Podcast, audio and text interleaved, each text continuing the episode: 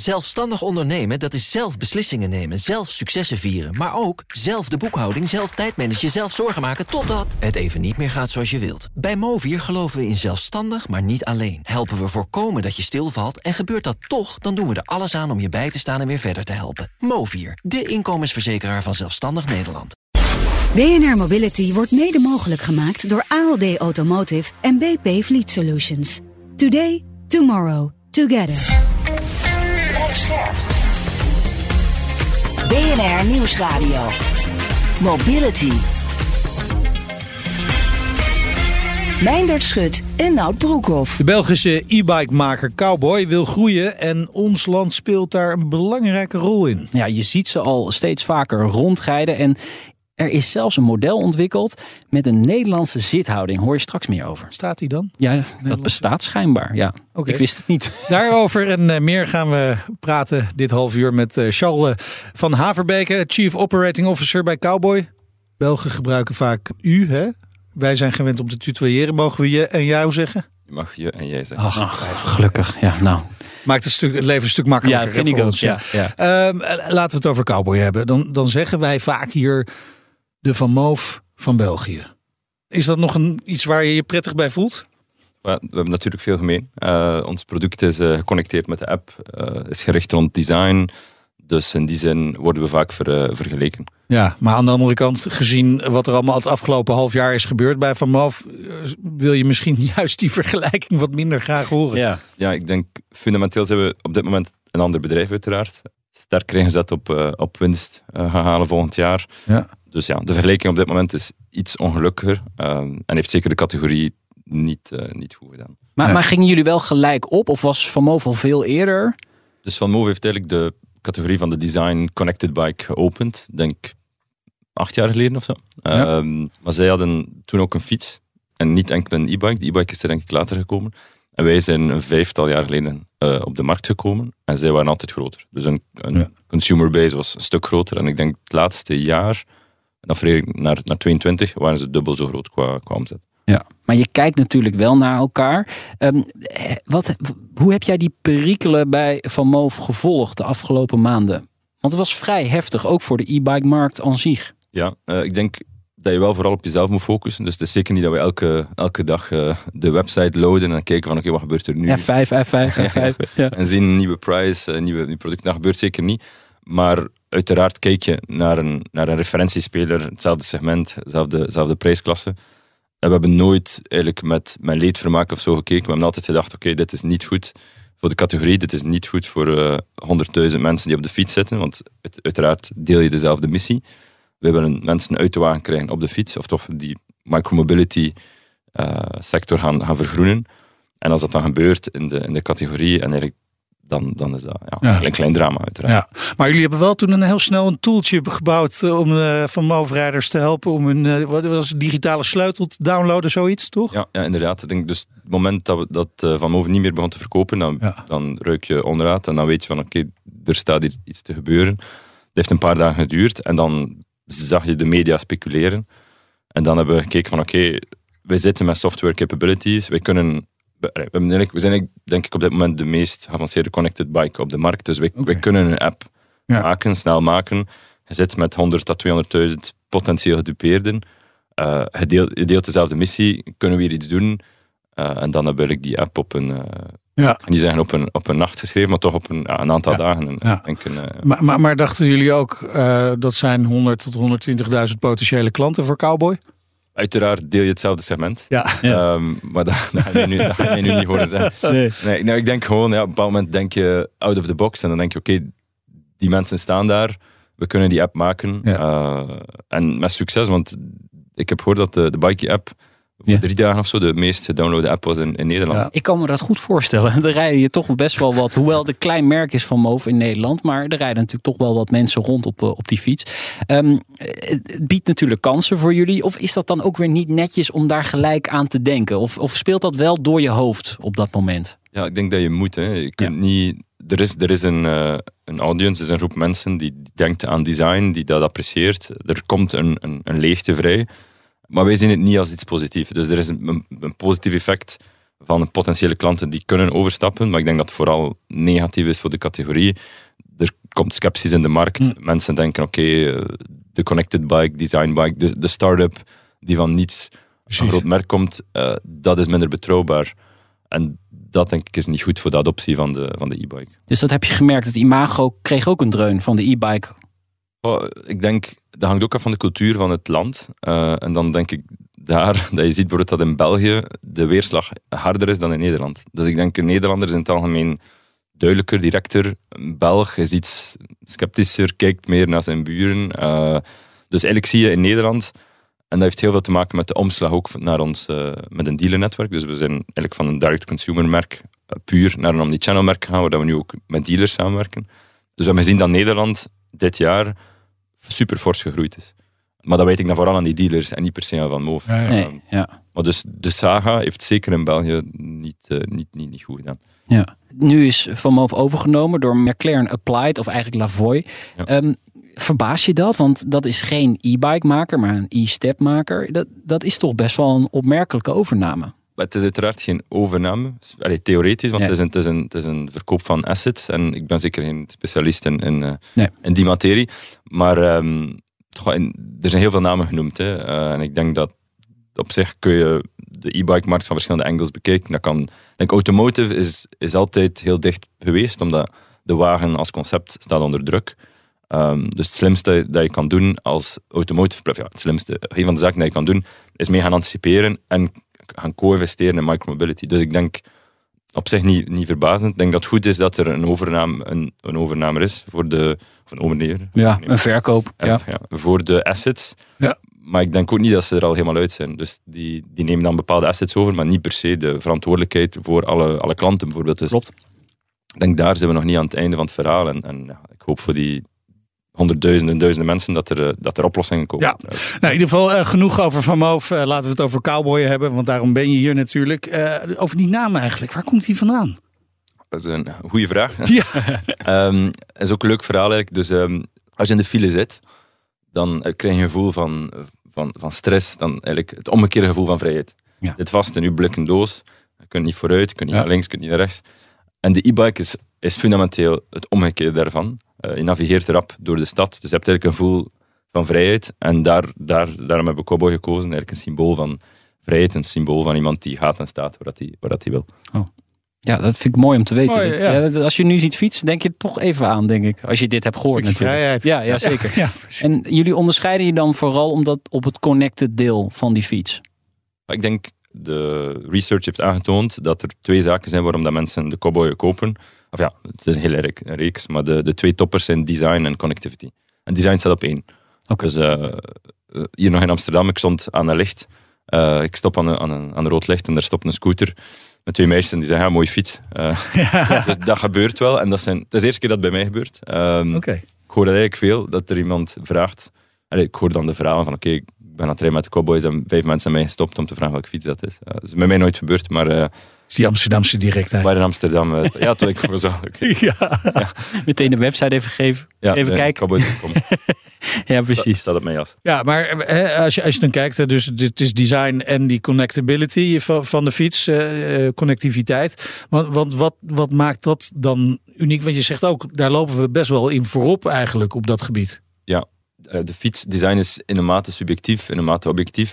Ik denk dat we heel puur minimalistische fiets hebben ontworpen. Ja, ja. Met, een, met, een, met lichten die geïntegreerd zijn. Er zijn geen lasnaden, er zijn geen knoppen. Geen standaard. Uh, nu wel. Ja. Oh, ik dacht optioneel. Al twee jaar. Oh. Nee, nu is de standaard. Ja, dat was een dingetje. Dat was een dingetje, ja. Zeker de naam standaard. Um, dus nu is het standaard op elke fiets. Maar dus heel, heel minimalistisch. En ik denk dat we daar in eerste, in eerste instantie mee scoren. Ja, um, ja. Minimalistisch design. En dan connectivity is het tweede deel. Is eigenlijk die app waarmee je de fiets activeert, maar die ook een hele wereld van mogelijkheden um, opent. En we hebben eigenlijk een, uh, een track record van, laten we zeggen, industry first features. Er is die theft detection, waar je fiets kunt terugvinden als die gestolen ja. is. Dat is nu vrij standaard in, in, de markt, op basis van GPS, dus die vind je ook terug. Um, zo zijn er echt een paar verhalen van uh, dievenbendes die opgerold zijn in, in, in, in, denk in Leipzig en dan in, ja. in Lille. Uh, dus Dankzij Cowboy allemaal. Ja, ja, ja. ja ik kan niet ja, iets waar Van Moof ook natuurlijk mee bezig was, hè, met de hunters erbij. En, ja, uh, zeker. Ja. inderdaad. Dus dat was, de, dat was zo wel de eerste. En dan hebben we ook crash detection. Dus als je valt met de fiets, krijg je Ja. een automatische... Ja, die, die werkt overigens nog niet altijd even goed. Hè? Dat- Ja. Tenminste, eh, ik heb een vriend van mij die heeft een cowboy. En eh, zijn vrouw krijgt regelmatig een berichtje dat haar man weer is eh, gecrashed. Ja. En dan belt hij gelijk wel van joh. dus, misschien, misschien is het zo. ja, nou, laatst was het toevallig wel echt zo.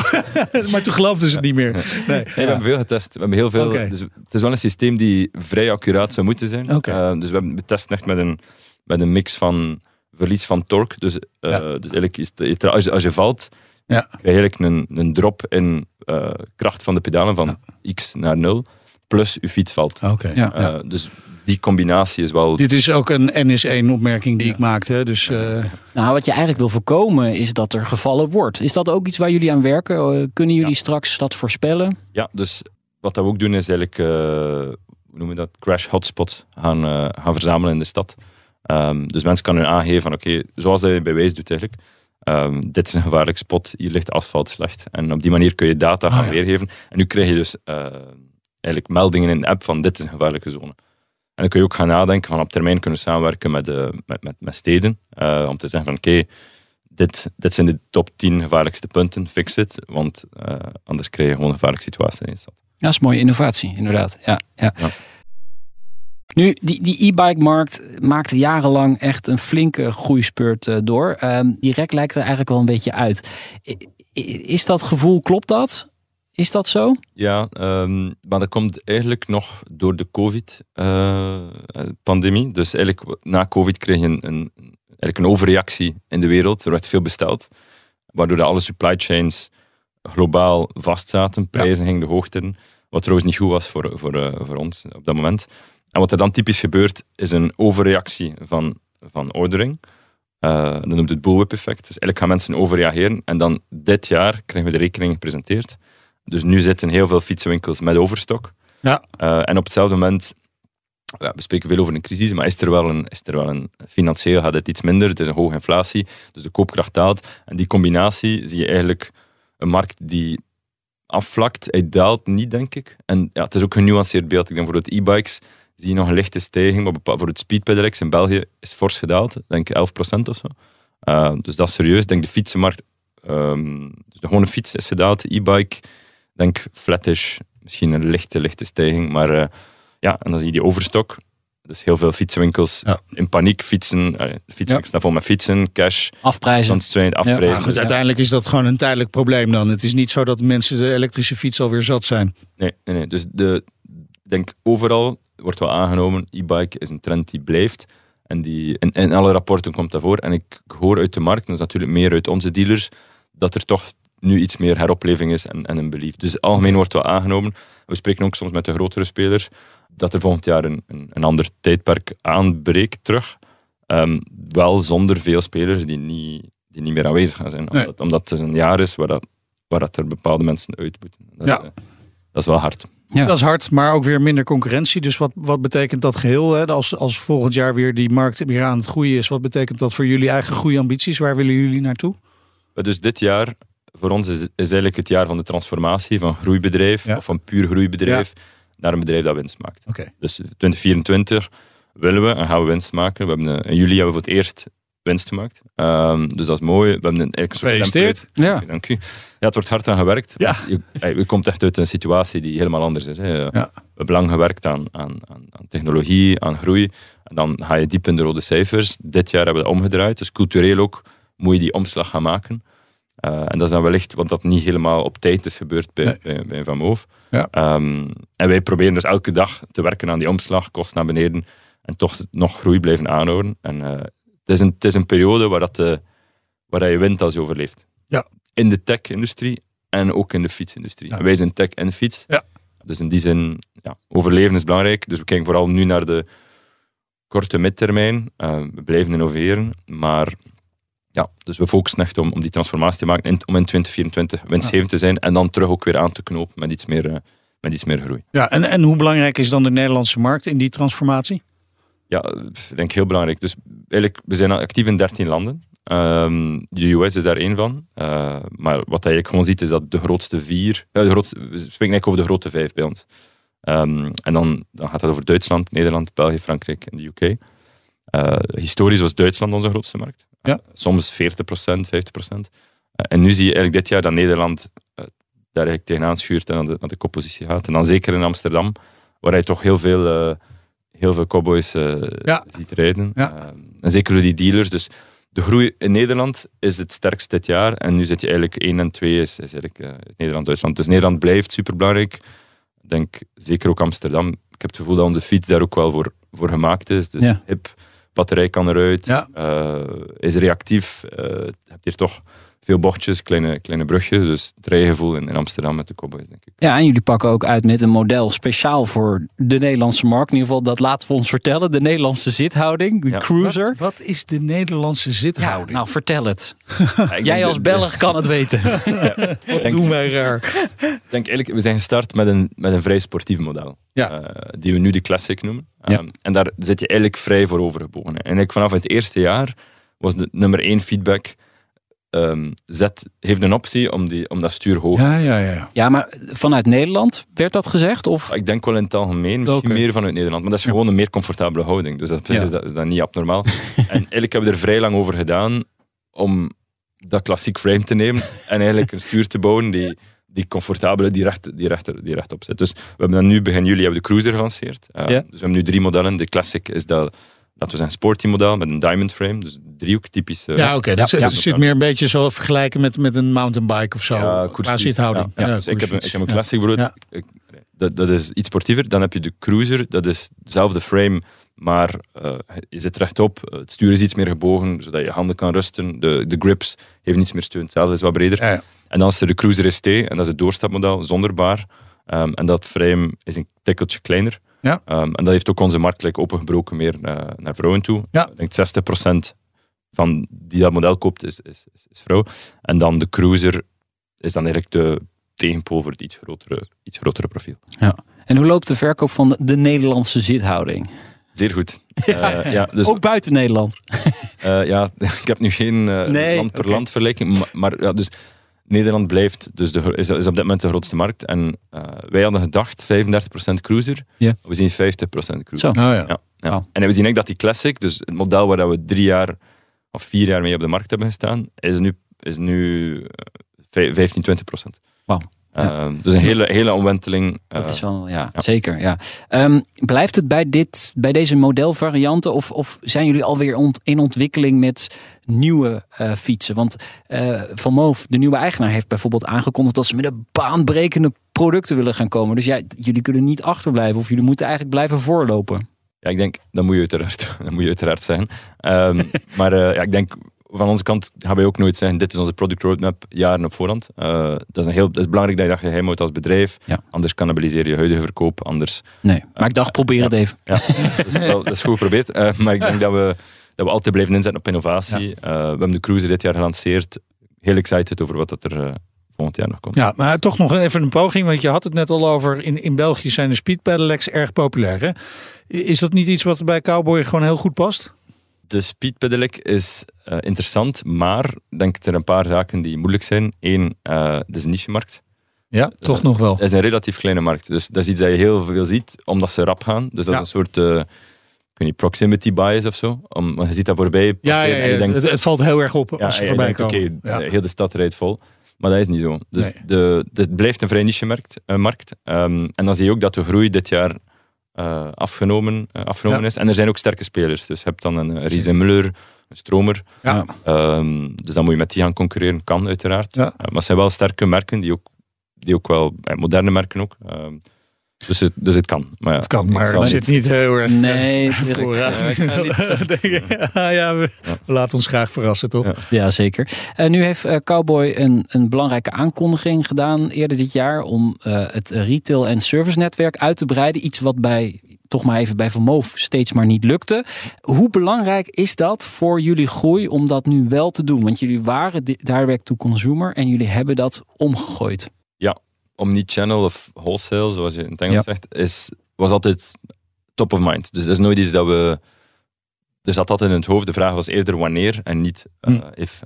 Dus dat is superbelangrijk, maar niet omdat de kwaliteit van onze service er niet was. Dus eh, eigenlijk eh, tot dan toe deden we altijd repair met de mobiele ehm, eenheden. En dat werkte supergoed.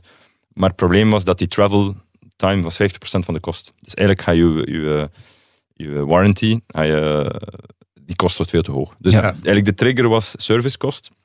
En dan zijn we teruggegaan naar het gewone model waar elk merk mee werkt. Eh, als je een repair nodig hebt, ga je naar je dealer. Dus op dit moment heb je twee keuzes. Oftewel ga je naar de dealer, ehm, of je kan altijd mobiele repair aanvragen, maar dan betaal je een premium voor de luxe, omdat je thuis kan blijven, dat er iemand bij jou komt. Ja. Ehm, dus dat was de trigger. En dan is het zeer belangrijk, omdat het gros van de markt, het gros van de fietsen in de markt, wordt nog altijd verkocht bij specialisten. Ja. Eh, ik denk in België Ja, ook echt eh, de- dit soort moderne fietsen, die worden dus niet zozeer online gekocht. Goh, Ja, natuurlijk van Move en, en Cowboy, we hebben de markt daarin wat gecreëerd. Ja. Ehm, maar het gros van de e-bikes wordt, wordt dus, ik denk 65% in België, Oh. bij de specialist. En dan kun je proberen die markt in je eentje te gaan transformeren, maar dat is uiteraard moeilijk.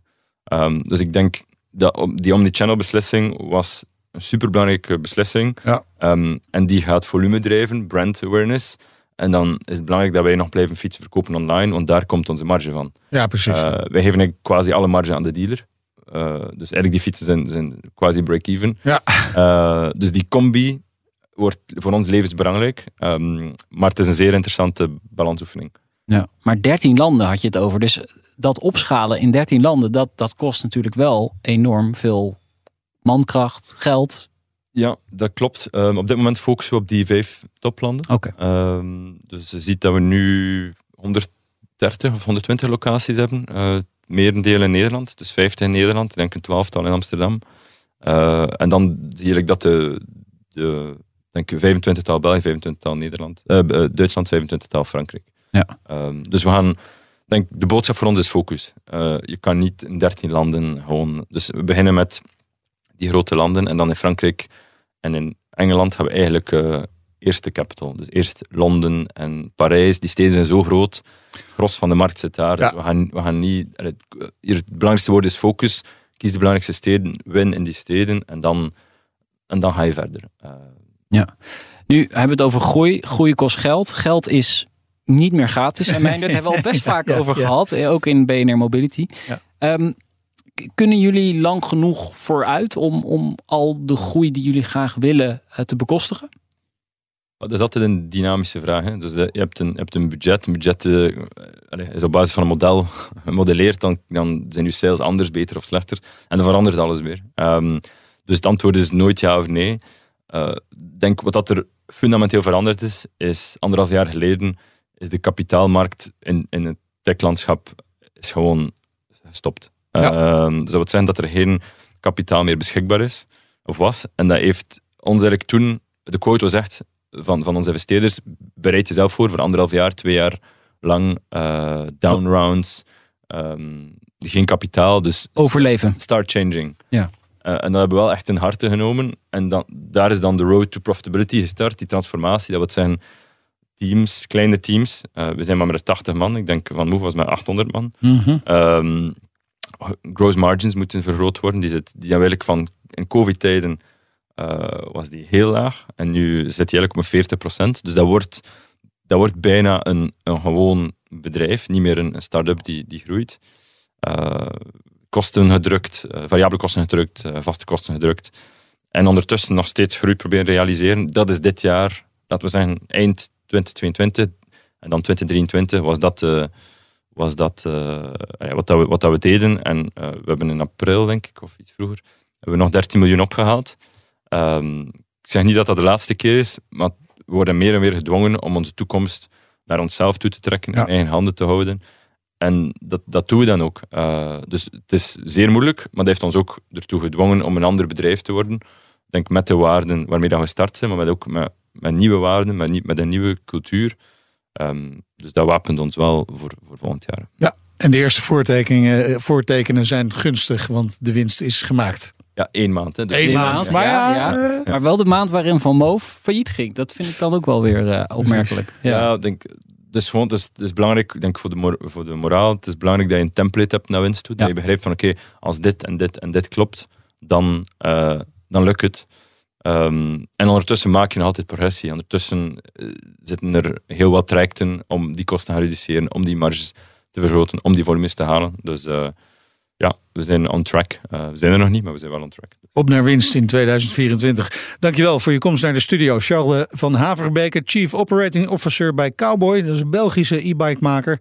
Dit was BNR Mobility. Terugluisteren kan via onze website, via onze app, maar ook een uh, podcastplatform naar keuze. Interessant om een kijkje in de keuken te hebben gekeken, Zeker. gekregen van uh, Cowboy. Uh, vergeet je vooral niet te abonneren. Heb je nieuws of andere verhalen voor ons, dan mail je naar mobility.bnr.nl. Ik ben Meijnerd Schut. Ik ben Nout Broekhoff. Tot volgende week. Doei.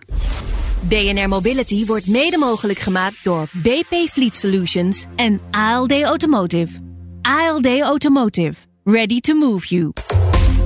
Zelfstandig ondernemen, dat is zelf beslissingen nemen, zelf successen vieren. Maar ook zelf de boekhouding, zelf tijdmanagen, zelf zorgen maken... totdat het even niet meer gaat zoals je wilt. Bij Movier geloven we in zelfstandig, maar niet alleen. Helpen we voorkomen dat je stilvalt en gebeurt dat toch... dan doen we er alles aan om je bij te staan en weer verder te helpen. Movier, de inkomensverzekeraar van Zelfstandig Nederland.